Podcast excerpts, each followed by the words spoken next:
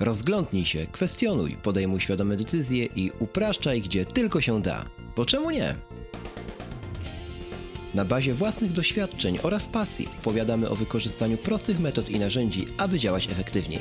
W tym podcaście dowiesz się, jak nowoczesne technologie pomagają w podejmowaniu decyzji oraz upraszczaniu codzienności. Pomimo i wbrew utartym schematom. Po czemu nie?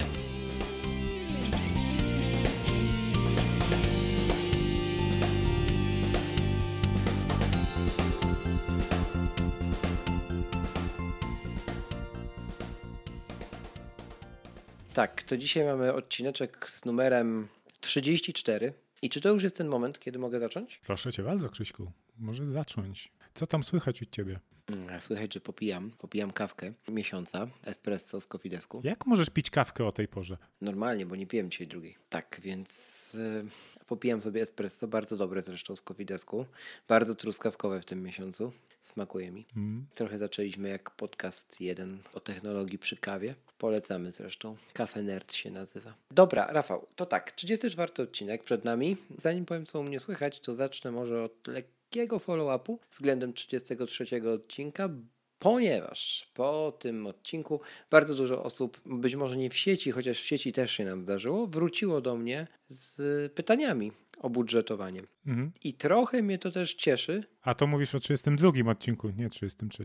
Tak, chodziło mi o 32 oczywiście. Cieszy mnie to bardzo, ponieważ temat widać jest nadal nośny, bo mimo sukcesów Szafiego i mogłoby się wydawać, że osłuchania z, z nim już w polskim internecie. Co cieszy, bo dzisiaj będziemy go kontynuować, porozmawiamy sobie troszkę szerzej i bardziej szczegółowo o budżetowaniu, ale zanim to oczywiście pora na rozgrywkę pod tytułem Krótka piłka. Więc Rafale, pozwolę sobie zacząć. Zaczynaj. Kiedy słuchacie tego odcinka, to jesteśmy z Rafałem po ponad dwudniowych warsztatach całej załogi podcastu. Zapewne pojawiło się kilka materiałów z tych warsztatów, więc ci, którzy oglądali, wiedzą o tym, a ci, którzy nie wiedzą, to mogą się wkrótce spodziewać nowości, usprawnień i być może lekkich zmian na stronie naszej. Zobaczymy, co jeszcze zostanie ustalone. W tym momencie, kiedy to nagrywamy, jest poniedziałek, czyli równo 4 dni przed moim e, nalotem na Wrocław. Po raz kolejny w tym roku.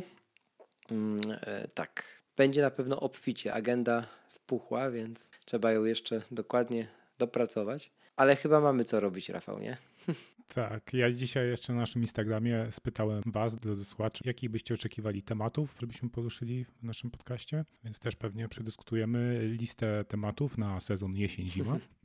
To już ten czas, tak? To już sierpień, tak. ko- końcówka lata za niedługo. Dzień coraz krótszy. Ty przyjeżdżasz niedługo do Wrocławia, tak? Więc zrobimy sobie warsztaty z montażu, no i przedyskutujemy różne kwestie. Dokładnie tak będzie. Idziemy dalej i następnie oddam Ci głos. Marka Apple. Warta bilion dolarów jako pierwsza w historii nowożytnej na giełdzie, więc kapitalizacja sięgnęła miliona. Yy, przepraszam, biliona dolarów. Takie chyba historyczne wydarzenie, Rafał. Co by tu nie mówić, oczywiście trzeba dobrze rozumieć tę informację, co już media skutecznie nam uniemożliwiają, ale fakt jest taki, że, Mhm. że Apple jest pierwsze. Zobaczymy jak długo, ale zrobili to. No tak, ale to, to nie oznacza, że ktoś kupi Apple za Dokładnie. bilion dolarów. To jest ciągle wirtualna jakaś Dokładnie. wartość, taka teoretyczna czysto. Po mnie to po prostu Trochę tak spłynęło, nie? delikatnie mówiąc spłynęło. Tak. Dobra, Rafał, zanim powiemy dalej o Apple'u, bo jeszcze jest jeden temat związany z kasą, to co tam u Ciebie? Lato i brak klimy w domu mam tutaj napisane. Pierwszy punkt. Tak, taki punkt spisałem, bo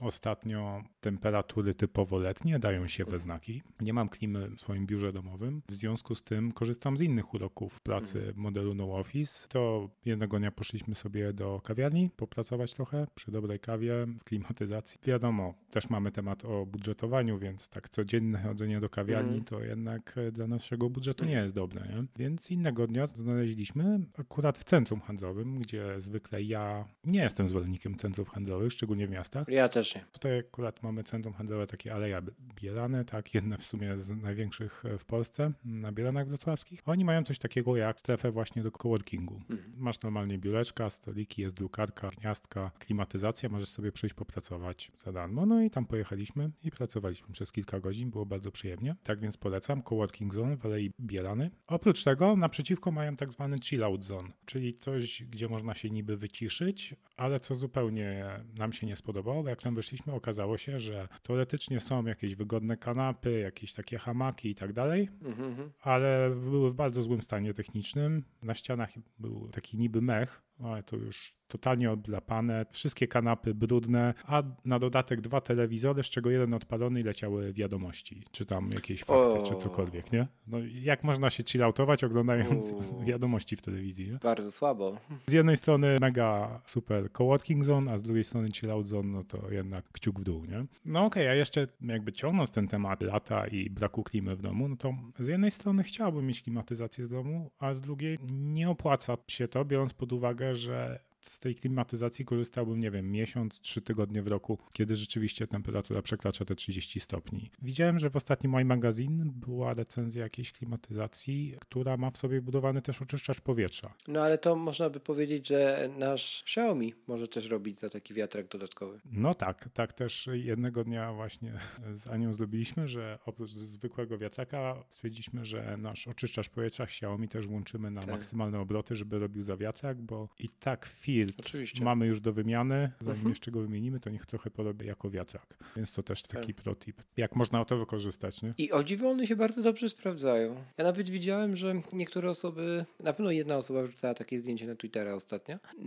Natomiast kładli ten oczyszczacz w pozycji horyzontalnej. Aha, w ten sposób. No ale to, Tylko na lekkim, nie, nie, nie, tylko na lekkim podniesieniu. Tak, y, 45 stopni kąt. no tak, no bo on ze wszystkich stron zaciąga powietrze. Nie? Tak, i skierowany po prostu bezpośrednio wtedy na miejsce, w którym się przebywa, no i jest dmuchawą po prostu jedną wielką. No tak, robi za wiatrak. A on siły trochę ma. Minus taki, że on punktowo daje ten wydmuch powietrza. Dla mnie na przykład no większy jest chyba sens, żeby on był skierowany wertykalnie, no bo dając punktowe uderzenie jakby kanału powietrza w sufit, no od razu to powietrze się chłodne rozprowadza, nie? No a tak to trochę nie wiem. Ale widziałem takie różne rzeczy. No wiesz, tutaj też z tymi wiatrakami to zwykle jest tak, że jak zamkniesz okna w mieszkaniu, zasłonisz jakieś Mhm. rolety, no to będziesz miał chłodniej niż jak uchylisz lekko okna i włączysz wiatrak, bo ten wiatrak miesza powietrze, tak? Oj, zdecydowanie. Ale powietrze będzie stało, więc jak już są tak wysokie temperatury, to ja już wolę mieć te 3 stopnie czy 4 stopnie więcej, ale mieć przepływ tego powietrza. Dokładnie tak. Nie ma nic gorszego niż na otwierać okien i łudząc się, że po prostu to przewietrzy w jakikolwiek sposób, jak za nimi jest 38 stopni. Nie.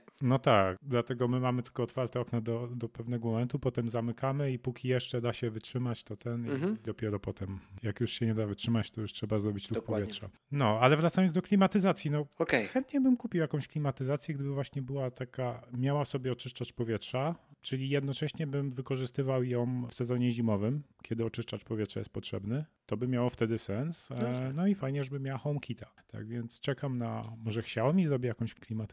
Może, no to akurat by do gamy ich produktów dość dobrze się wpasowało, zwłaszcza biorąc pod uwagę temperatury, jakie są w Japonii czy w Chinach, nie? Akurat mi to pasuje do ich profilu, więc może kiedyś się doczekamy. No, to trzymamy kciuki. Dobra, to co, wracamy do Apple'a, wróćmy na chwilę jeszcze, bo były wyniki finansowe. Wróćmy do Apple'a, wróćmy. Były wyniki finansowe też. Chciałoby się powiedzieć, że sensacyjne, tylko że w przypadku tej firmy to już jest właśnie nudne takie powiedzenie, bo rok do roku mamy obecnie sytuację, gdzie Apple no, po prostu ustanawia rekordy sprzedaży prawie wszystkiego, co się da. I tak w tym roku są dwie rzeczy, na które chciałem zwrócić uwagę. Pierwsza dotyczy sprzedaży komputerów i iPadów rok do roku w tym kwartale obecnym. I tutaj jakby mamy generalnie spadki. W przypadku iPadów jest to o 5%, a w przypadku Maców o 13%. Ale nie zmienia to faktu, że ogólna sprzedaż iPadów w tym kwartale wyniosła 11,5 miliona urządzeń. W stosunku do Maców 3,7 miliona egzemplarzy. Chciałoby się powiedzieć, że iPad sprzedaje się lepiej. Wiem, że to spore uogólnienie, ale zdecydowanie, jeśli popatrzymy teraz sobie na odbiór społeczny, czy odbiór przez użytkowników iPadów i Maców, to w mojej ocenie iPady w tym momencie są na historycznych szczytach, tak? W sensie to, co zrobiło Apple, kiedy cały rynek się zwijał, bo można powiedzieć, że wkrótce on się całkiem zwinie. No 28% udziału w rynku tabletów to są udziały Apple'a, nie? Więc jakby tutaj no, nie ma co nawet mówić, że firma nie dyktuje tutaj trendów, nie? Robią to, mało tego, kiedy iPad naprawdę szybował w dół, gdzie miał kwartał do kwartału spadki po 17-15%, Apple wypuściło wtedy iPady Pro, najpierw tego ogromnego pierwszej generacji, potem tego 10,5, mhm. Smart Keyboard, Apple Pencil, później iPada edukacyjnego, wszystko to znowu zostało przemyślane na nowo pod tym hasłem to jest teraz komputer, nie? Ten komputer dla mas. Możliwości iOS-a doszły do takiego momentu, że, że można powiedzieć, że iPad jest komputerem dla mas. W rozumieniu mas, czyli osób, które generalnie nie montują, nie są producentami muzycznymi, nie, grafikami, nie wiadomo jak zaawansowanymi, chociaż tu już i tak Apple Pencil wchodzi i mocno zagarnia, więc chyba się im udało zredefiniować produkt, który sami wymyślili i utrzymać się na rynku. To jest według mnie niebywała e, sztuka ostatnich lat. Tak, tutaj musisz utrzymać się na rynku, a z drugiej strony właśnie rynek już się dawno mhm. nasycił i teraz sumarycznie chyba rynek tabletów maleje, co nie? Tak, tak, rok do roku i to mocno. Tak, bo oni teraz powiedziałeś 5% spadła sprzedaż, tak. kwartał rok do roku, ale liczba urządzeń chyba wzrosła sprzedanych. Tak, dokładnie tak. Czyli średnia cena jest niższa, bo jednak ostatnio odświeżony iPad to edukacyjny. ten tani iPad, nie? A iPad Pro już ponad rok jest na rynku i też pewnie następny kwartał też będzie spadek, bo w tamtym roku, w tym kwartale najbliższym jakby były nowe iPady Pro, a mhm. teraz pewnie dopiero będą na jesień. Pamiętajmy, że nawet jeżeli one będą na jesień, to różnica w nich będzie dotyczyła tylko zaimplementowania tam tylko i aż Face ID, usunięcia fizycznego przycisku Home w końcu, no i paru jakichś tam innych jeszcze zabiegów typu równających iPada z iPhone'em, czyli usunięcie jacka i tego typu rzeczy, nie? Natomiast jakby obliczeniowo moc tych urządzeń, czy tam ekrany, czy coś, no owszem, no trochę się zmieni, ale to nie będzie aż taki skok, jak był, kiedy wchodziło 10,5 iPad Pro na, na rynek, gdzie naprawdę ten komputer już właściwie był przepotężny względem tego, co było w poprzednich generacjach, nie? Więc teraz znowu bierzmy poprawkę, że wiele ludzi nie zdecyduje się na przejście na najnowszego iPada, nie? Mając na przykład te wersje LTE 256 iPadów Pro 10,5 cala. Nie? Na przykład ja się nie zdecyduję, nie? Jeszcze przez dobre 2,5 roku, bo uważam, że jest to niepotrzebny mm. wydatek po prostu. Zresztą też wziąłem Apple Care specjalnie do niego i tą wersję na wypasie. No ale wiesz, więc znowu będzie taki moment stagnacji pewnie w tych wynikach i później znowu będzie boom, no bo iPad ma taki cykl życia jako produkt, zupełnie inny od iPhone'a, więc tutaj też trzeba dużo mieć dystansu do oceniania tych wyników. No tak, a skoro już mówimy o iPadzie, no to ja ostatnimi dniami trochę pracowałem poza domem, więc głównie na iPadzie. Mhm. Prawie w ogóle na Macu. Mimo, że mega fajnie mi się pracowało, to jednak boli mnie przede wszystkim jedna rzecz w tym iPadzie. Ergonomia pracy. Mhm. Kiedy miałem akurat takie dni, gdzie musiałem robić dużo małych zadań, czyli się przełączać między zadaniami, okay. E, czasem coś napisać, krótki Aha. komentarz, dwa, trzy zdania, gdzieś się przełączyć pomiędzy aplikacjami. I co chwila, wiesz, muszę raz pisać na klawiaturze i potem nagle odrywać rękę mhm. od klawiatury, coś robić na ekranie w takiej pozycji, wiesz, mhm. gdzie mam wpiętą klawiaturę. To na dłuższą metę to nie jest zdrowe dla moich dłoni. Mogę to robić z pensilem i z pensilem jest spoko, tylko że raz, pensil nie obsługuje wszystkich gestów, na przykład mhm. tych do multitaskingu na iPadzie, a dwa, jak mam pensila w dłoni, no to potem gorzej się pisze na klawiaturze, muszę go odkładać, nie? Mhm. To jest dla mnie w tej chwili największy problem iPada i czekam, w jaki sposób Apple go rozwiąże i czy go w ogóle rozwiąże. Tutaj, jeżeli chodzi o mój stosunek do tego, to jasne, zgodzę się ze wszystkim, co powiedziałeś i dodam dodatkowo, że eksperyment pod tytułem MacBook, jakikolwiek, zwłaszcza dwunastka, plus iPad się nie uda nigdy. Nie? Więc tutaj będziesz na pewno musiał wybrać. On się nie uda z jednego prostego powodu. Ja to widzę też po sobie, jeśli chodzi o komputer firmowy, że podobne wymiary fizyczne tych urządzeń i fan, jaki się ma przy pracy na iPadzie, wchodzi tak w krew, że potem e, próbujesz używać gestów na ekranie MacBooka, nie? Tapać w ekran MacBooka. Mhm. I to naprawdę się dzieje gdzieś tam mimowolnie, nie? I to irytuje. Najnormalniej w świecie irytuje, więc i wtedy aż, aż się od razu chce wybrać jeden z tych sprzętów, nie? No i MacBook wygra. Wygra dlatego, że liczba operacji, jakie jesteśmy w stanie gestami czy tam fizycznie obsługując ten komputer wykonać w tym samym okresie czasu, no jest większa na, na MacBooku niż na iPadzie, nie? No tak, zgadza się. Te gładziki plus obsługa klawiaturą, jednak no. macOS dużo lepiej się obsługuje klawiaturą niż iOS-a. Dokładnie. Tu też jeszcze jest pole mhm. do popisu przed iOS-em, żeby mhm. obsługa skrótów klawiszowych była dużo bogatsza. Zgadza się, Rafał. Coś jeszcze w tym temacie? Czy idziemy dalej? Idziemy dalej. No to proszę bardzo, jak już jesteś przy głosie. Jak już jestem. Zapisałem się się na beta testy Waze'a. No wspominałeś. Mhm. Tak, ciągle czekam na to, aż będzie jakaś wersja beta na CarPlaya. Aha. Na Twitterze zapowiedzieli, że będą informować w przeciągu najbliższych miesięcy, więc nie wiem, czy w ogóle się wyrobią na premiera iOS 12. Mhm. Mam nadzieję, no ale zobaczymy. W każdym razie miesiąc temu się zapisałem i dopiero teraz ostatnio zrobili jakąś akcję na Twitterze, że nie wiem, zwiększyli tą pulę, czy w końcu ogarnęli sobie, że potrzebują więcej testerów na iOS-a i dostałem się do programu Beta Waze na iOS-a. Mam nadzieję, że właśnie to, że zwiększają sobie tą bazę testerów, no to zwiastuje to, że już niebawem robić tego CarPlaya i udostępniać jakieś pierwsze wersje. Byłoby super. Jeśli też jesteście zainteresowani, to będzie link w notatkach do odcinka, gdzie można się zapisać na tą betę. I na pewno wielki ukłon chyba w stronę chłopaków z Waze'a właśnie, że dotrzymują słowa, nie? Bo wiesz, to powiedzieć e, tak jak oni, że e, zrobimy tam jakąś betę, to każdy by mógł wykorzystać na przykład na fali WWDC, nie? Gdzie to Mhm. zapowiedziano, a oni jednak są słowni, więc na pewno należy się szacunek. No tak, ale widzisz, oni byli pokazani na WWDC Tak, i tak, ikonka tak. była tam Mhm. jako przykład aplikacji, więc ja, ja myślałem, że oni już mają, Gotowe. już nad tym pracują od dawna i, i że tylko jak będzie można, to udostępnią jakąś betę i będą gotowi na premierę iOS 12, więc No, zobaczymy. no nie wiem, może tak jeszcze będzie. Dokładnie, jeszcze mają szansę. Wszystko wskazuje na to, że jednak to trochę potrwa, no ale trzymam kciuki, żeby było jak najszybciej, no bo już się nie mogę doczekać, żeby to tak działało. Dokładnie. Idziemy dalej. Amazon Go chce powiedzieć o tym, że my sobie tak często dywagujemy, a mówimy sobie, że no może tam niektóre zawody w przyszłości znikną,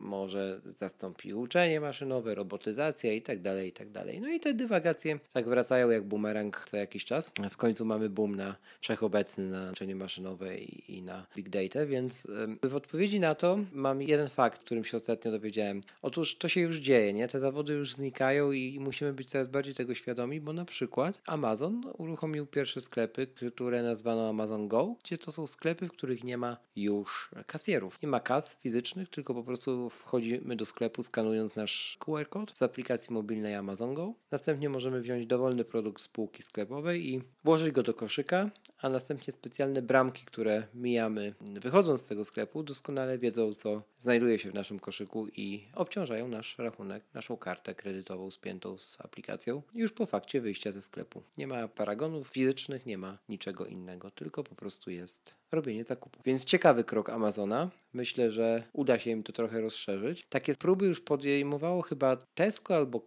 Carrefour w Polsce z tymi kasami samoobsługowymi i z aplikacją. Nie pamiętam, które z nich. Natomiast cały koncept jednoznacznie pokazuje, że to się nie będzie działo, tylko to się już dzieje, nie? Więc y, pewnie niektóre zawody rzeczywiście wkrótce znikną. Artykuł linkujemy w notatkach do tego odcinka. To sobie szerzej poczytacie. Jest nawet wideo pokazujące, jak ten system działa. Tutaj chyba najtrudniejsze jest to zeskanowanie wszystkich Tak. produktów w koszyku na wyjeździe jednorazowo, żebyś ty jako klient nie musiał każdego osobno szczytywać kodu, nie? Także sobie możecie poczytać. e, I ostatni temat będzie Twój. To już tyle ode mnie w krótkiej piłce. Okej, dzięki. A ja chciałem jeszcze wspomnieć o tym, że we wrześniu szykuje się we Wrocławiu Festiwal Fotografii Mobilnej, organizowany przez Stowarzyszenie Miłośników Fotografii Mhm. Mobilnej, Mobile Photo Trip. To chyba będzie w weekend 21-23 września, o ile dobrze kojarzę. Będzie link oczywiście w notatkach do tego odcinka. Mają być różne warsztaty, jakieś prelekcje i tak dalej. I oczywiście wydarzenie jest darmowe, ale wiadomo, to jest stowarzyszenie no profit, więc jest zrzutka na to,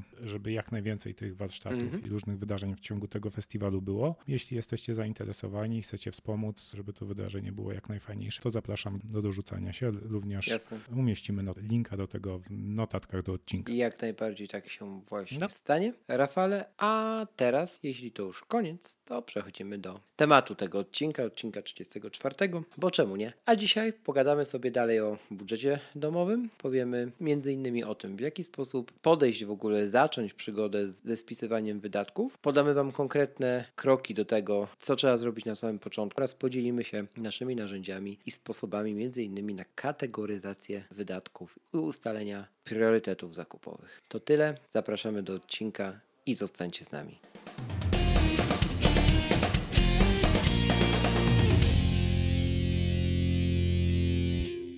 Dzisiejszy odcinek rozpoczynamy od takich trzech założeń. Chcemy je uczynić na początku, żebyście wiedzieli dokładnie, czego się możecie spodziewać po tym odcinku i czym on będzie się różnił od poprzedniego.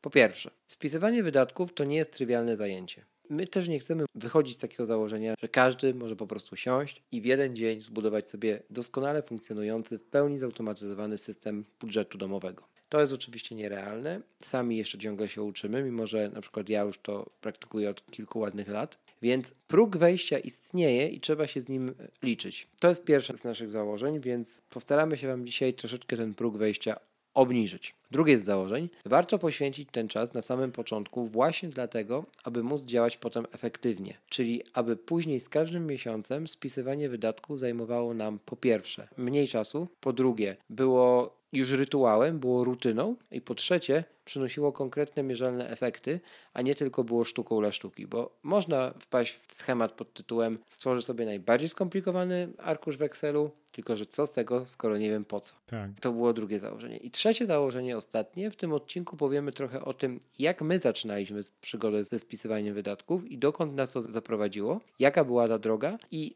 pomimo tego, że to praktykujemy, tak jak mówiliśmy też w poprzednich e, odcinkach, nie jest to jedyny słuszny system. Każdy musi znaleźć tak naprawdę swój system. Każdy, ponieważ każdy kupuje inne produkty, ma inne potrzeby i nade wszystko inne priorytety zakupowe. Te trzy założenia będą nas prowadziły przez cały ten odcinek, a ich nadrzędną zasadą jest zasada, że uznajemy za oczywiste, że się nie zadłużamy. Czyli jeśli mamy jakieś długi, jakieś kredyty, to one mają zawsze najwyższy priorytet na liście naszych wydatków. Czyli najpierw spłacamy, dopiero później pozwalamy sobie na przyjemności i dopiero później planujemy wydatki na wszystko inne, co nie jest naszym zobowiązaniem. Dlaczego? Dlatego, że długi najbardziej drenują nasze portfele. Długami się dzisiaj nie będziemy zajmować. To temat rzeka na zupełnie inną rozmowę, więc przyjmujemy perspektywę, że to jest jakby fakt. Jeżeli mamy długi, spłacamy je pierwsze. W temacie długów na szczęście nie mamy dużego doświadczenia.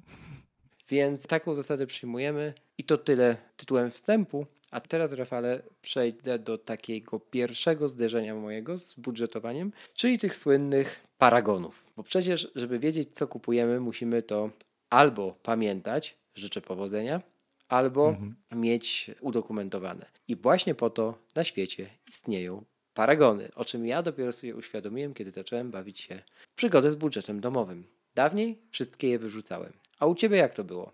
No i jak to w tym momencie ogarniasz? U mnie było to tak, że zbierałem wszystkie kiedyś. Mhm. Pewnie podobnie jak ty, wpisywałem je sobie do Excela, mhm. ale tak jak wspomniałeś, spisywanie wydatków ma jednak tą barierę wejścia. Mhm. Ja sobie na początku stworzyłem taki mega skomplikowany system, poświęciłem dzień, dwa mhm. na to, żeby to stworzyć, ale potem jednak nie przemyślałem tych nawyków, no i to się posypało po jakimś czasie. I tak miałem do tego kilka podejść. Dopiero to mi się udało, kiedy to, co się da, zautomatyzowałem. Mhm. Czyli teraz zbieram część paragonu. Mhm. Zbieram te paragony, gdzie na podstawie listy transakcji, bo generalnie staram się 100% transakcji robić kartą. Potem wszystko to mam w systemie bankowości albo w innej aplikacji, która korzysta z API systemu bankowego i to zaciąga mhm. i tam kategoryzuje wydatki. W związku z tym wiem, że jak nie mam paragonu na jakieś zakupy z żabki, to wiem, że to jest jedzenie. Okay. Tak samo jak do jakiegoś większego supermarketu idę i wiem i nie wezmę paragonu ze sobą, nie mam go w swoim fizycznym mhm. inboxie, to znaczy, że to było tylko jedzenie. Mhm. Też jak na przykład robisz zakupy, nie wiem, wykładasz towary na ladę, to staram się jakby je, oczywiście nie religijnie, nie? że mhm. za każdym razem, ale jest ku temu okazja, to wykładać je tak, żeby potem na paragonie one koło siebie były w danych kategoriach, że najpierw jedzenie, potem nie wiem, jakaś chemia domowa i środki czystości, nie? A to bardzo ciekawy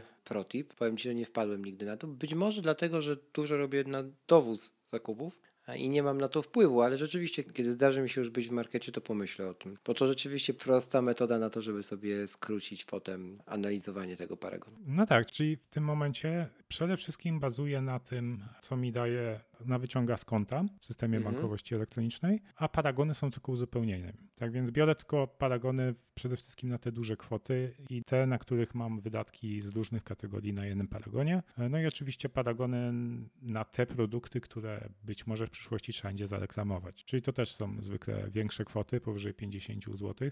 Nie będę reklamować czegoś za 20 zł, szkoda mojego czasu. Na to, jak się popsuje, to trudno, nie? No, dokładnie. Też używam oczywiście Scanbota, o którym już mówiliśmy w poprzednich odcinkach. Robię zdjęcia tych paragonów mhm. i fizycznie papierków się pozbywam. Nie? Jasne, robię dokładnie tak samo, jeśli chodzi o Scanbota, ale nie wszystkich dokumentów, bo odkąd iOS umożliwia już dokonywanie skanów, czyli skanowanie dokumentów z poziomu systemowych notesów, które to są moim podstawowym bankiem notatek, to tam w Notesach już od bardzo, bardzo dawna mam taki, taki katalog, taką teczkę gwarancje. I te gwarancje, które rzeczywiście są na takie rzeczy właśnie powyżej tam 50 zł powiedzmy, staram się te paragony zawsze skanować do Notesów, żeby mieć ich zdigitalizowaną postać, ale ja jeszcze nie wyrzucam paragonów. Ja jednak wszystkie fizyczne paragony od 4 lat mam. E, zajmują one całe 5 teczek, niedużych teczek, a 4, bo też nie zajmują jakoś dużo, jeżeli są sprasowane i poukładane, każdego miesiąca tak to u mnie wygląda.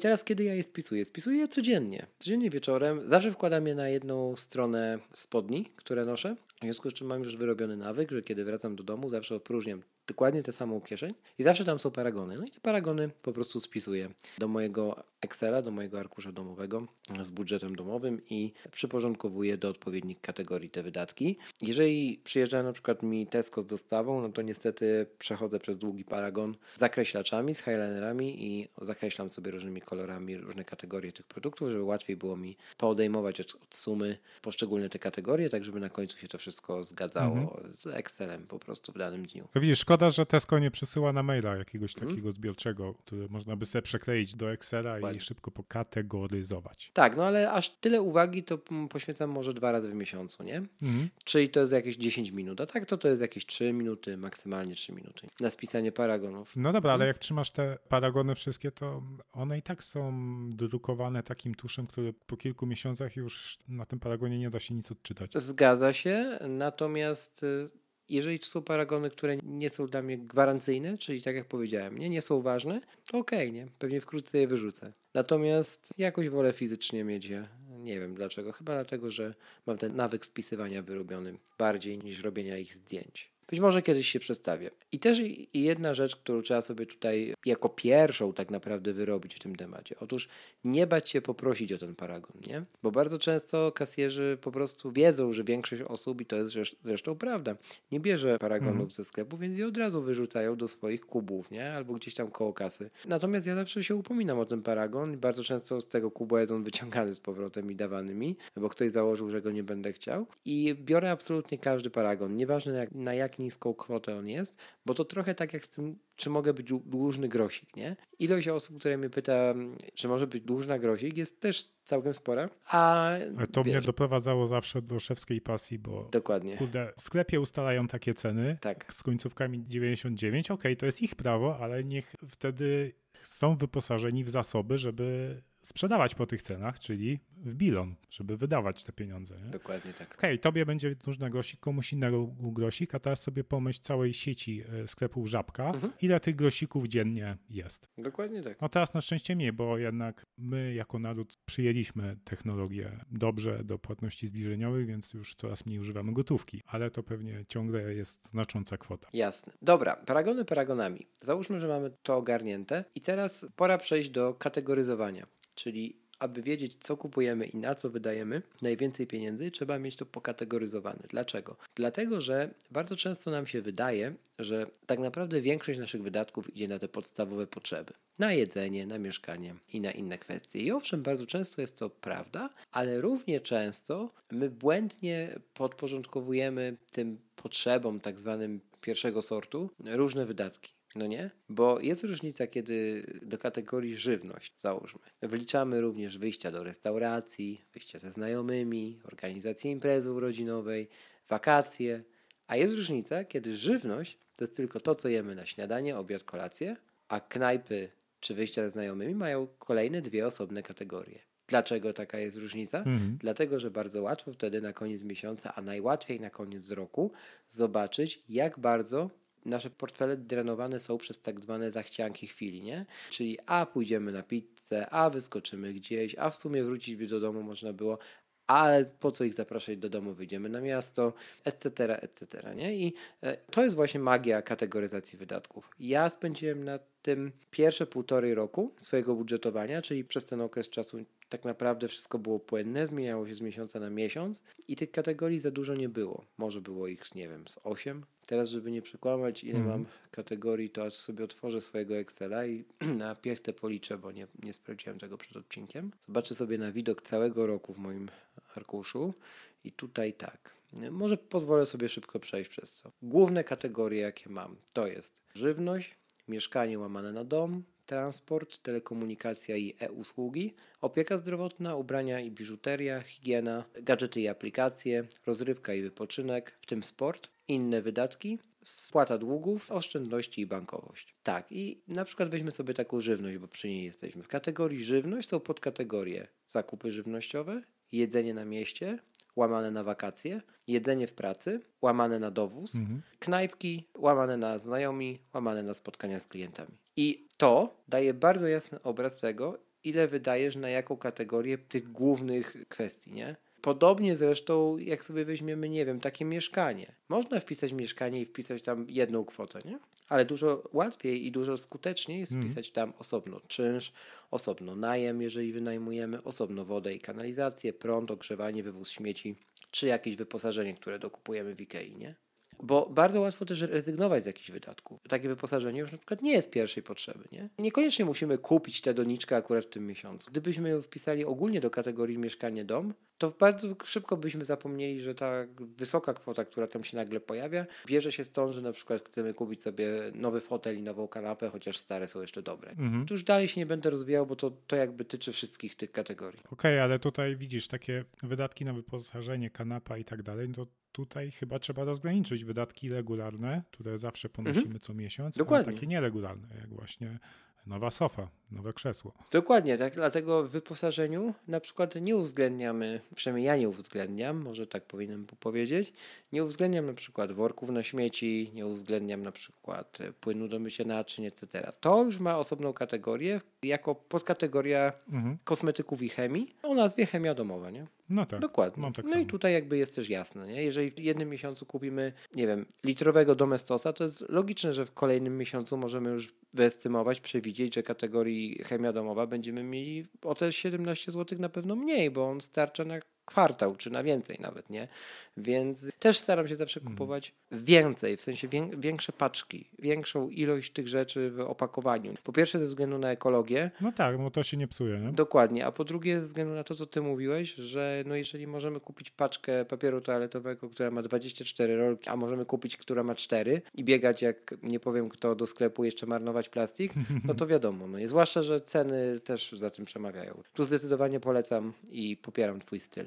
Tak, więc grupowanie to jest jakby druga rada od nas. Co dalej, Rafał? Wspomniałeś właśnie, że fajnie sobie to podzielić na kategorie, podkategorie i tak mhm. dalej. Jeśli ktoś jeszcze tego nie budżetuje w ogóle, nie kategoryzuje wydatków, nie zbiera paragonów, to ja bym na początku radził zacząć od e, mniejszej liczby kategorii, żeby to nas nie przytłoczyło. Nie? Mhm. Samemu rozbudowywać. Mhm. I stopniowo ją sobie po prostu patrząc. Tam, gdzie wydajemy najwięcej, mhm. tam je po prostu dzielić na podkategorie. Tak? Czyli stworzyć sobie taki mhm. minimum viable product. Takie, które będzie funkcjonowało i na przykład można sobie zrobić kategorie kieszonkowe, gdzie będziemy wrzucać uh -huh. takie różne rzeczy, których nie wiemy -huh. z początku do czego wrzucić. Potem stopniowo mając w głowie to, jakie mamy kategorie i widząc na co wydajemy, no stopniowo tą listę sobie rozbudowujemy. Też fajne są różne narzędzia, nawet wiele banków ma coś takiego, że automatycznie już mają w systemach możliwość kategoryzowania wydatków i później na podstawie tego, w jakim sklepie jest dana transakcja, mhm. mogą automatycznie przypisywać kategorie. Więc to wymaga tylko od użytkownika potwierdzenia ewentualnie, czy to jest słuszna kategoria albo zmiany. Jasne. Albo rozbicia danej transakcji na kilka kategorii. To jest e, naprawdę bardzo wygodne. Tutaj nie wszystkie banki to mają, wiele ma. Mhm. W niektórych można to robić nawet z poziomu aplikacji mobilnej, na przykład ING w ogóle moim zdaniem ING ma najlepszą aplikację mobilną, jeśli chodzi o apkę na iPada i iPhone'a. Ma bardzo fajne funkcje w niej. Jako pierwsi mieli w ogóle Touch ID, no ale nie wprowadzili Apple Pay.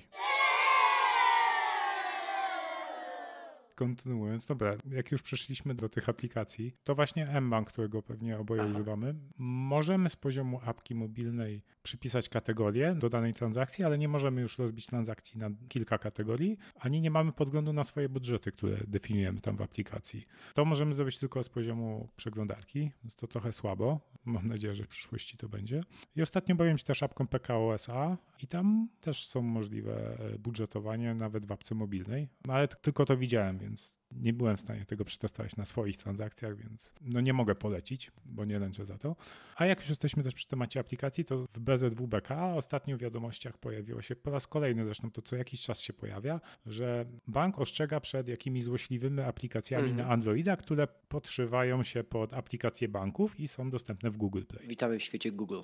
To jest właśnie, właśnie Android i no naprawdę, mm. jak możecie to przesiądźcie się na iPhone, szczególnie jeśli dużo używacie apek e, banków, bo to jest 100 razy bardziej bezpieczne. Ja też to zawsze wszystkim mówię, że każdy argument jestem w stanie przełknąć, każdy argument, przyznam rację, że Google się zmieniło, ale bezpieczeństwo nie ma opcji. Okej, okay. pozwolę sobie kontynuować, bo wydaje mi się, że trochę całe stworzenie swojego systemu do budżetowania to jest trochę tak jak stworzenie swojego systemu do Getting Things Done. Ktoś, kto przeczyta książkę Davida Alana, od razu rzuca się i przegląda, testuje Aha. wszystkie narzędzia. Zresztą oboje pewnie to przerobiliśmy kilka lat temu, nie? Okay. Że próbowałeś i od, od, razu spisujesz taski, tu kategoria, ile czasu potrzebujesz, data, wszystko przypisujesz, nie? Zamiast tak. mnóstwo czasu spędzasz na zarządzaniu, zamiast na robieniu tak naprawdę tego, co potrzebujesz. Mhm. Przy budżecie jest tak samo, dlatego wydaje mi się, że lepiej zacząć od małej liczby kategorii, a na początku można w ogóle zacząć od, tak jak wspominaliśmy na początku, że złota zasada to jest nie zadłużamy się, mhm. no to jeśli już ją wprowadzimy, to druga złota zasada jest najpierw płacimy sobie. Mhm.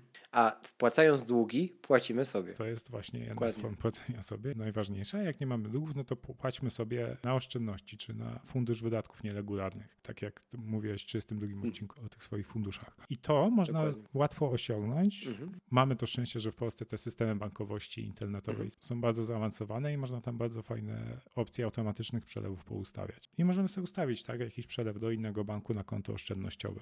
Jak jest złota zasada od szafrańskiego, jeśli nie chcemy prowadzić budżetu domowego, to jest taki modelowy budżet, że mniej więcej 60% to są koszty stałe, potem 10% oszczędność na emeryturę, oszczędności krótkoterminowe, 10% na mhm. swoje własne zachcianki, bo taki fundusz też warto mieć. Więc można od tego zacząć, ustawić automatyczne przelewy dzień po tym, jak dostajemy wypłatę i tak działać. Później właśnie spróbować pokategoryzować wydatki, zwiększać liczbę kategorii, prowadzić regularnie budżet, rozbudowywać to i coraz lepiej tym zarządzać, uczyć mhm. się tego, jak wydajemy pieniądze i optymalizować to. Dodam jeszcze od siebie, że tutaj o kosztach jakby koniecznych i dodatkowych to już też powiedzieliśmy, ale warto na pewno na początku samym zrobić sobie takie przejście przez wszystkie nasze koszty stałe.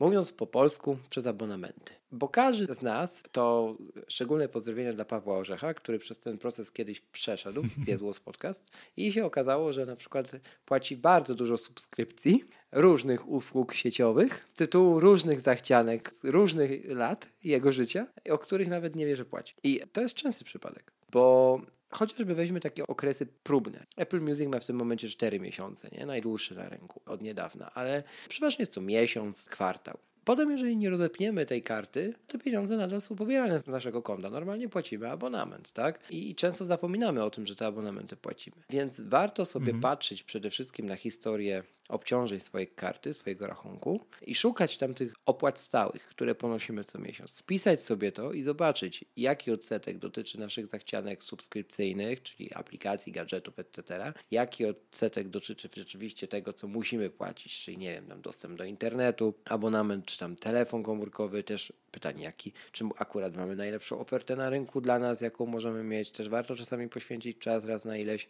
i przejrzeć aktualne oferty i tak dalej, i tak dalej. Więc warto zderzyć się z tym, i zrozumieć, ja przynajmniej tak miałem, że płacimy za nic, no. niż cały czas tkwić w kłamstwie, a właściwie w nieświadomości, że te koszty rzeczywiście ponosimy co miesiąc. Ja teraz ostatnio miałem takie doświadczenie, bo robiłem sobie porządek w kontach w różnych bankach, jakie miałem, no bo były te okresy, kiedy banki zresztą dalej mhm. dawały różne ciekawe promocje za założenie konta i potem używanie, nie? Jakieś, mhm. jakieś cashbacki i tak dalej. No i miałem tych kont trochę w tych bankach. Mhm. Ostatnio zacząłem chodzić po tych no. bankach no. i zamykać te konta i zdarzyło się, że banki mają taką praktykę, generalnie, jak masz 0 zł na koncie i na przykład obowiązuje cię jakaś opłata, nie wiem, 3 zł za prowadzenie konta, czy na przykład za kartę do konta, to póki masz 0 mhm. zł na koncie, to cię nie obciążają. Dopiero jak wzrośnie saldo na koncie, to cię obciążą za ostatnie 6 miesięcy. I tak ty żyjesz w nieświadomości, że masz jakieś koszty, nie? Więc to też warto, drodzy słuchacze, sprawdzać. Dokładnie. Szczególnie, że banki lubią zmieniać tabelę opłat i prowizji co kilka miesięcy. O czym zresztą informują, ale nikt tych maili nie czyta to. No tak. No.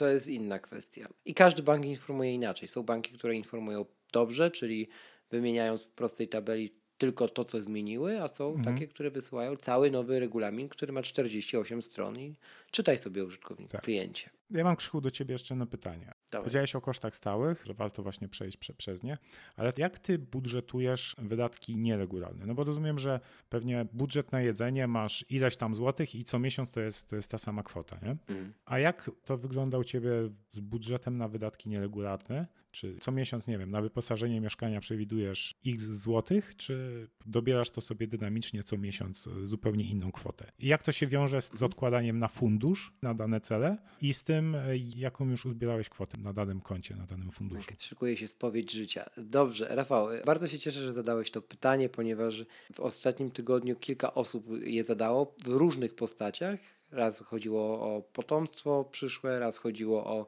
wydatki nieregularne związane z, na przykład z tym, że zachorujemy. Postaram się odpowiedzieć raz jeszcze zbiorczo. Otóż, tak jak wspominałem, istnieje u mnie coś takiego jak fundusz e, awaryjny. To jest stała kwota, załóżmy, że jest to 1000 zł miesięcznie na tak zwane nieprzewidziane wydatki w ciągu miesiąca, tak? Załóżmy, że co miesiąc jest to 1000 zł. No i teraz, jeżeli e, nie wykorzystamy tego oczywiście w danym miesiącu, no to to zostaje na poczet kolejnego miesiąca, już nie wzrasta, ale zawsze to saldo musi wynosić 1000 zł, załóżmy. Nie? To jest taki mhm. nasz fundusz rezerwowy. Ok, ale może się okazać, że nagle będziemy musieli wymienić klocki w aucie, pójść do lekarza, zapłacić jakiś mały zabieg i robi się z tego 7,5 tysiąca złotych, nie? I teraz tak, jest kilka dróg. Ja mam na przykład taką, że trudno, żebym miał na wszystko fundusze. To już o tym mówiłem w 32 odcinku. Na te rzeczy, na których mi zależy, te fundusze rzeczywiście są pozakładane. I wtedy, jeżeli oczywiście dany wydatek wpisuje się w kategorię dedykowaną danemu funduszowi, no to pobieram te pieniądze z danego fundusza i następnie na, na ten fundusz zwracam, kiedy samemu sobie, kiedy przychodzi wynagrodzenie w przyszłym miesiącu lub kiedy mogę. Ale są takie rzeczy, które nie wpisują się w żaden z tych funduszy, które prowadzimy. I dodatkowo utrudnijmy sobie, i są to duże wydatki. No i tu odpowiedzią przychodzi właśnie poduszka finansowa, którą odkładamy. Czyli ostatnia deska ratunku, którą, do której chcielibyśmy się wrócić, ale do której czasami musimy się zwrócić. Po to robimy poduszkę bezpieczeństwa i po to ona jest świętym gralem, którego staramy się nie tykać, żeby kiedy przyjdzie tak zwany moment naprawdę kryzysowy, nie lecieć do banku i nie brać e, pożyczki, tylko udzielić jej sobie samemu, właśnie z poduszki finansowej. To jest absolutnie ostatnia deska ratunku, jaką my mamy, nie? Po to są właśnie poduszki finansowe i po to kwota na poduszkę powinna być zawsze najwyższa ze wszystkich oszczędzanych kwot w ciągu miesiąca, nie? Żeby po prostu ta poduszka była jak największa, jeśli chodzi o wartość. Mhm. Więc tak to u mnie funkcjonuje i to wcale nie jest mega skomplikowane, tak jak to się wydaje. Ten przypadek z dziećmi mi się bardzo spodobał. Pozdrawiam zresztą Sebastiana. Tak jak powiedziałem właśnie Sebastianowi, ja zdaję sobie sprawę, że zapewne będę tysiąc razy zmieniał jeszcze podejście, kiedy już będę miał dzieci i szukał gdzieś tam i badał najlepszych z możliwych sposobów na to, jak te nieprzewidziane wydatki związane z właśnie z dzieciakiem ogarniać, ale na ten moment mogę powiedzieć, że na pewno trafią one do osobnego funduszu. Najłatwiej byłoby, gdyby miały osobną kategorię, osobną kartę płatniczą, żeby było je łatwo rozróżnić, a dopiero wraz z wzrostem dziecka, czyli kiedy ono będzie starsze, to zakładam, że te kategorie wydatków będą się bardziej stabilizować, tak? Czyli nie będą porozrzucane pomiędzy żywność, opiekę zdrowotną, szczepienia, ubrania i wszystko inne, opiekunkę, etc., tylko będą już w miarę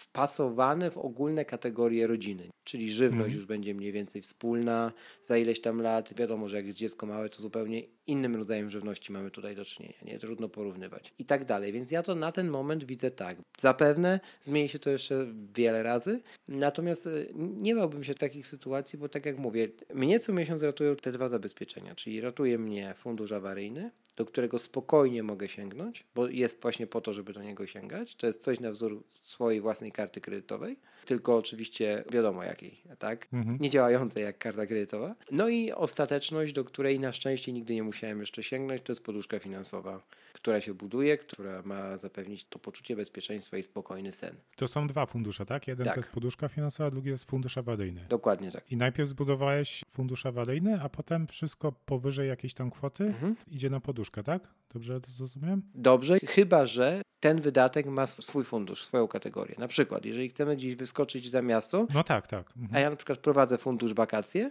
no to wtedy finansuję sobie, jeżeli nie mam z bieżącego budżetu, nie, nie zaplanowałem sobie tego wydatku, tylko tak po prostu chcę wyskoczyć, no to oczywiście pobieram sobie pieniądze z funduszu wakacji. Deponuję jego jakąś tam część i oczywiście do mnie należy decyzja, czy za miesiąc sobie te pieniądze oddam z powrotem, czy po prostu sfinansuję tę podróż, ten wyjazd tym, co już odłożyłem. Mhm. Tak to wygląda. I wcale nie jest tak skomplikowane, na jakie wygląda, ale cieszy mnie, że takie pytania się pojawiały, bo to znaczy, że nasi słuchacze też świadomie podchodzili do tego, co mówimy i mam nadzieję, że dalej tak będzie. To co, to może przejdziemy teraz do narzędzi. Tak, powiedzmy jakieś mięsko aplikacyjne, bo to podcast o technologiach trochę był, to tak zaczęliśmy z grubej rury od Apple'a i kurka autonomicznych sklepów, a kończymy na paragonach drukowanych. Ty używasz Excela na podstawie szablonu od Michała Szafrańskiego. Od Michała. Mhm. Ja też w sumie używam tego Excela na tym szablonie, ale tylko nie na bieżąco, tylko co miesiąc. Mhm. On mi służy tak do planowania budżetu na dany miesiąc i podsumowania poprzedniego. Jasne. Tak na bieżąco. Ostatnio spisywałem wydatki w systemie bankowości mBanku poprzez ich kategorie i tam sobie porobiłem budżety, mhm. ale kilka dni temu postanowiłem przetestować inne rozwiązania, czyli typowe apki w third party, okay. które możemy znaleźć w App Store czy to w Google Play. Zresztą jeden z słuchaczy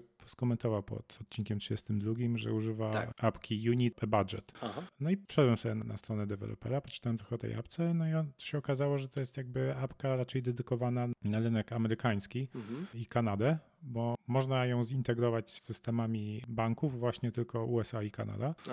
Natomiast pamiętam, że kiedyś używałem takiej apki stworzonej przez bułgarskich deweloperów i była bardzo fajna, pamiętam to jest MoneyWiz. Wierzyłem jakby sobie te, tę aplikację, zobaczyłem na stronie i porównałem to z Unity Budget i wyszło, że MoneyWiz jest dużo tańsze. Oczywiście nie jest tańsze, jeśli kupujemy przez aplikację na przykład na iOS-a, czyli przez Apple'a, ale jeśli sobie wejdziemy na ich stronę i mamy IP z Polski, no to nam daje polską cenę. Tak? Cena na rynek polski jest mniejsza niż na inne rynki i tutaj jest subskrypcja na przykład 99 zł za rok i dają 90 dni na zwrot, jeśli nam się nie spodoba. Nie oferują co prawda triala, tak? czyli nie możemy sobie testować, jak chcemy potestować, to musimy od razu zapłacić. No ale przez 90 dni możemy ewentualnie zrezygnować i wtedy nam oddadzą mm -hmm. pieniążki. Ja kiedyś miałem tą aplikację jeszcze jako tak zwany standalone, czyli jednorazowy zakup. Teraz ta najnowsza wersja jest na subskrypcji. Co najważniejsze, ona jest przeznaczona przede wszystkim na rynek europejski mhm. i nawet w saporcie pracuje jeden Polak, więc mogą odpowiadać na maile po polsku. Interfejs aplikacji jest po polsku. Chociaż co jest bardzo ciekawe, sama strona internetowa, jak ustawię język polski, no to tłumaczenie jest totalnie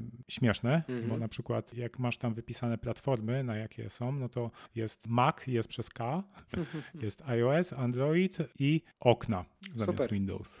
Tak więc jakiś robot to musiał tłumaczyć, no. ale sam interfejs aplikacji jest spoko przetłumaczony. Tak jak wspomniałem, ta apka może się integrować z polskimi bankami, takimi jak Alior, WBK, Idea Bank, Millennium i mBank. Czyli to jest taka integracja, coś jak usługa mm -hmm. typu kontomierz. Nie wiem, czy kojarzysz tak, coś tak. jak kontomierz. Też, też jest taka usługa. Tylko, że jest o tyle fajne, że to jest aplikacja natywna i działa zarówno na iPadzie, na iPhone'ie, jak i na Macu. Dzięki temu ja mam ze wszystkich swoich banków, gdzie rzeczywiście jakby wykonuję jakieś transakcje, gdzie odkładam pieniądze, to są banki właśnie w tej grupie, które się integrują akurat z MoneyWiz, to tam mam wszystkie te transakcje na jednym dashboardzie i jedne kategorie do tych wszystkich transakcji mogę przypisywać, generować raporty i tak dalej. Tak więc polecam serdecznie. Jakby dopiero kilka dni testuję, więc na razie znalazłem jeden troszkę irytujący mhm. błąd, mm. ale nie jest to coś, co by skreślało tą aplikację. Okay. Będę testować dalej. Jak będziecie zainteresowani, to dam znać. Super. Czy to się przyjmie, czy wrócę do po prostu do zwykłego mm. spisywania w Excelu lub do katalogizowania wewnątrz bankowości internetowej. Okej, okay, jeszcze jak jesteśmy przy aplikacjach, to jedna mi się przypomniała właśnie teraz. Aplikacja Kiedy Przelew. To jest aplikacja, w której wybieracie sobie za pomocą dwóch suwaków bank, z którego przelew wychodzi godzinę, kiedy to nastąpiło i bank, do którego ma dotrzeć. E, następnie mówi Wam to na podstawie sesji przelewowych w danych bankach, kiedy ten przelew dojdzie. Przydatne. Darmowa jest aplikacja, zalinkujemy ją w notatkach do tego odcinka, jak zresztą wszystkie, o których mówimy. A propos tych przelewów, nie? Jeśli przelewasz komuś pieniądze Aha. znajomemu, który ma konto w innym mhm. banku, to warto zobaczyć, czy ten bank obsługuje Blika bo jeśli obsługuje Blika, to możesz na małe tak. kwoty, nie pamiętam do ilu tam, chyba do 200 zł jest, możesz zrobić przelew na numer telefonu mhm. i to wtedy idzie błyskawicznie. Od razu tak. dana osoba ma to na koncie. To też protip. Mm, dobrze, że o tym wspomniałeś. Jeśli chodzi o mnie, to mam dwa ostatnie punkty i przejdziemy do podsumowania. Czy jest jeszcze coś, Rafale, o czym chciałbyś powiedzieć od Ciebie? Od siebie w sumie mogę podzielić się takim też jakby protipem, ale jeszcze nie wiem, czy on działa. Ostatnio go zacząłem wdrażać, czyli ja prowadzę swoją działalność gospodarczą no i u mnie generalnie jest tak, że mniej więcej wiem, ile w danym miesiącu zarobię. Nie? To jest w miarę powtarzalne. Nie? Okay. Te dodatkowe przychody to jakiś tam mały procent, większość to jest jednak umowa z Nozbi i jestem w stanie przewidzieć, biorąc pod uwagę tylko przychody, ile muszę odłożyć na podatek VAT, na podatek dochodowy i na ZUS, co nie? Tak. To znowu, to idzie przelewem automatycznym, od razu dzień po tym, jak dostaję pieniążki od moich klientów, odkładam tyle, jakbym nie miał w ogóle żadnych kosztów w filmie. Czyli mhm. teoretycznie z nawiązką, bo wiadomo, koszty generalnie mam małe, ale zawsze jakieś się znajdą. Więc dzięki temu potem, jak płacę te podatki, to zawsze jakaś część pieniędzy zostanie na koncie i można wtedy zasilić jakieś fundusze awaryjne czy poduszkę finansową. Zgadzam się, bardzo dobry pomysł. Myślę, że zadziała, tak na czuję. Ja działalności nie mam, ale wydaje mi się, że powinno to zadziałać. Tytułem podsumowania. Słuchajcie, chcielibyśmy Wam dać e, dwa razy po pięć. Już mówię czego. Pierwsze to nie 5 zł ani nie 5 euro, tylko pierwsze to 5 pytań, które można nazwać pytaniami finansowego minimalisty. One pochodzą z bloga theminimalist.com, który bardzo polecamy serdecznie wszystkim, którzy chcą zapoznać się z minimalizmem i zamieścimy również linka do tych pytań w notatkach. A te pytania brzmią następująco i warto je sobie zadać przed każdym zakupem, który mamy dokonać. Pierwsze z pytań to, czy w ogóle możemy sobie pozwolić na ten zakup, tak? Czy nasza ilość odłożonego kapitału jest wystarczająca, żeby kupić ten, tę rzecz bez kredytu, bez użycia karty kredytowej, bez zadłużania się? To jest pierwsze podstawowe pytanie. Dotyczy każdego wydatku. Drugie z pytań jest już zahaczające tak trochę o, można powiedzieć, trochę o filozofię, chociaż ja lubię takie pytania. To jest, czy koszt, który muszę ponieść za dany produkt, jest kosztem, który faktycznie chcę ponieść za ten produkt. I tutaj dochodzimy do promocji na przykład. Bardzo często zdarza się, że są tak zwane wyprzedaże sezonowe, tak? Mamy Black Friday, mamy inne okresy w roku, gdzie rzeczy lądują na przecenach i może warto zaczekać. Może niekoniecznie potrzebujemy te rzeczy teraz, nie? I kupić ją taniej. Więc czy rzeczywiście ten produkt jest warty swojej ceny? Pytanie numer dwa. Pytanie numer trzy. Czy dana rzecz, dany produkt który chcemy nabyć, wnosi jakąkolwiek wartość do naszego życia, nie? Czy jest tylko giftem na zasadzie giftu, nie? Czyli zachcianką. Mhm. Jeżeli chcemy kupić sobie nowy smartfon, to być może on ma na siebie zarobić, albo być może jest nam potrzebny do naszej pracy, albo być może w ogóle nie jest nam potrzebny. Pytanie numer trzy. Pytanie numer cztery. Czy są jakieś alternatywy? Czy możemy kupić tańszy produkt, inny produkt, albo wręcz odwrotnie? Czy warto wydać daną kwotę na tani produkt, biorąc ryzyko, że się może zepsuć, czy lepiej na przykład dołożyć, doskładać i kupić coś, co jest jakościowe, lepsze i posłuży dłużej. I ostatnie pytanie. To jest już właściwie takie podsumowanie wszystkich tych pytań, które tak naprawdę padły. Czyli Albo dostawię Tobie, Rafale, to pytanie, bo jestem ciekawy, jaką masz opinię na ten temat. Bardzo mocno jestem ciekawy tego. Zadaj sobie pytanie, czy możesz jeszcze trochę bez tego wytrzymać. Mhm. Jeśli tak, to tak. spróbuj i zobaczymy. Może przestaniesz tego chcieć i dzięki temu odfiltrujesz impulsywne zachcianki, które tak mhm. naprawdę dla rzeczy, które chcesz kupić, a tak naprawdę ich nie chcesz i nie potrzebujesz. Dokładnie. Ja sobie daję miesiąc zawsze. Jeżeli to nie jest wydatek pierwszej potrzeby, zakładamy, że o takich teraz mówimy, mhm. zawsze jeżeli za miesiąc tak samo mocno chcę tej rzeczy, tak samo mocno widzę uzasadnienie jej kupna, to znaczy, że jej potrzebuję. Tutaj wyjątek, jeśli to nie ma jabłuszka na obudowie. A właśnie ja robię też tak z jabłuszkami. A widzisz, bo ty twardy jesteś. Tak, tak. Ja to, wiesz, jak ja długo komputer wybierałem w tamtym roku, to człowieku to. No. Więc tak. I, I, druga piątka, którą mamy na koniec dla Was, to jest pięć najważniejszych zasad. Chcemy tak podsumować to, o czym mówiliśmy. Czyli przypomnij sobie, po co są paragony. Punkt pierwszy. Z niego wynika, Zobacz, z czym się mierzysz każdego miesiąca, każdego dnia, co kupujesz. Dokonaj cięć, grupując rzeczy w kategorie, bo inaczej ich nie dokonasz, tak jak mówiliśmy o tym. Stwórz sobie nawyk spisywania i miejsce spisywania wydatków, czyli aplikacja, Excel lub inny sposób. No i najważniejsza zasada, po prostu zacznij to robić. Nie czekaj na idealny moment, bo on nigdy nie nadchodzi. Każdy moment jest dobry. Żeby zacząć ogarniać swoje finanse, bez względu na to, czy mamy długi, czy nie mamy długów, bez względu na to, czy nam się chce, czy nie i gdzie jesteśmy i ile zarabiamy, bo to też jest mit, że trzeba zarabiać dużo, żeby w ogóle mieć cokolwiek. To jest na inny odcinek temat, ale to jeden z mitów, że trzeba dużo zarabiać, żeby oszczędzać. Nie, oszczędzać można zawsze. Hmm. Jak macie inne zdanie na ten temat? Bardzo chętnie zapraszamy do komentarzy, do dyskusji w komentarzach. Chętnie podejmiemy taką dyskusję. Czyż nie, Rafale? Oczywiście. Czekamy. Jesteśmy na mediach społecznościowych. Jesteśmy wszędzie. Otw Tylko nie waszych lodówek. Właśnie miałem powiedzieć, ale mi ukradłeś lodówkę, no. No dobrze. Okej, okay, to tym optymistycznym i humorystycznym akcentem, jak zwykle to u nas bywa na koniec, czyli śmieszkami mówimy wam dzięki piękne. Mamy nadzieję, że ten odcinek, tak jak 32, przyniósł wam jakąś wartość i że będziecie wracać do nas z follow-upem, z komentarzami i z informacją zwrotną generalnie na ten temat. Co sądzicie, jak walczycie i jak wy dbacie o swoje finanse. Temat jest na pewno otwarty i na pewno nie przedawni się, więc możecie śmiało polecać, jeśli słuchacie tego odcinka na przykład, nie wiem, w 2019 roku swoim znajomym ten odcinek, bo nadal jest z pewnością aktualny. No dobrze, Rafale, dziękuję Tobie za nasze ostatnie kilkadziesiąt minut również. I cóż, standardowo się pożegnamy. Krzysiek Kołacz z Krakowa. Rafał Sobolewski z Wrocławia. I działajcie. Bo czemu nie?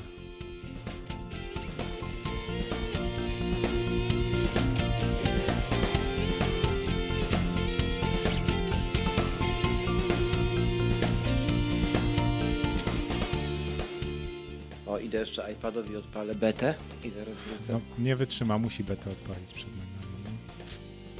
No. Co, co za beciarz.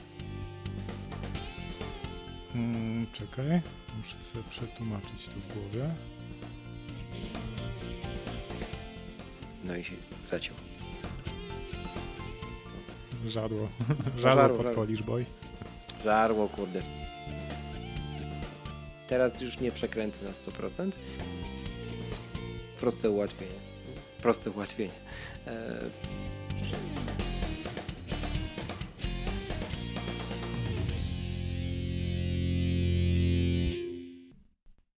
to się wytnie. Tak, tu by się przydał ten jingle taki, proszę bardzo panią montażystkę, taki. Albo może być ja, hmm. mogę być ja. No dziękuję, ładnie ci dziękuję, to wyszło, dziękuję, zobaczymy jak będzie na tym. Czekałeś na to, nie? Że ci powiem w tym odcinku. Dobra, zatrzymujemy nagranie.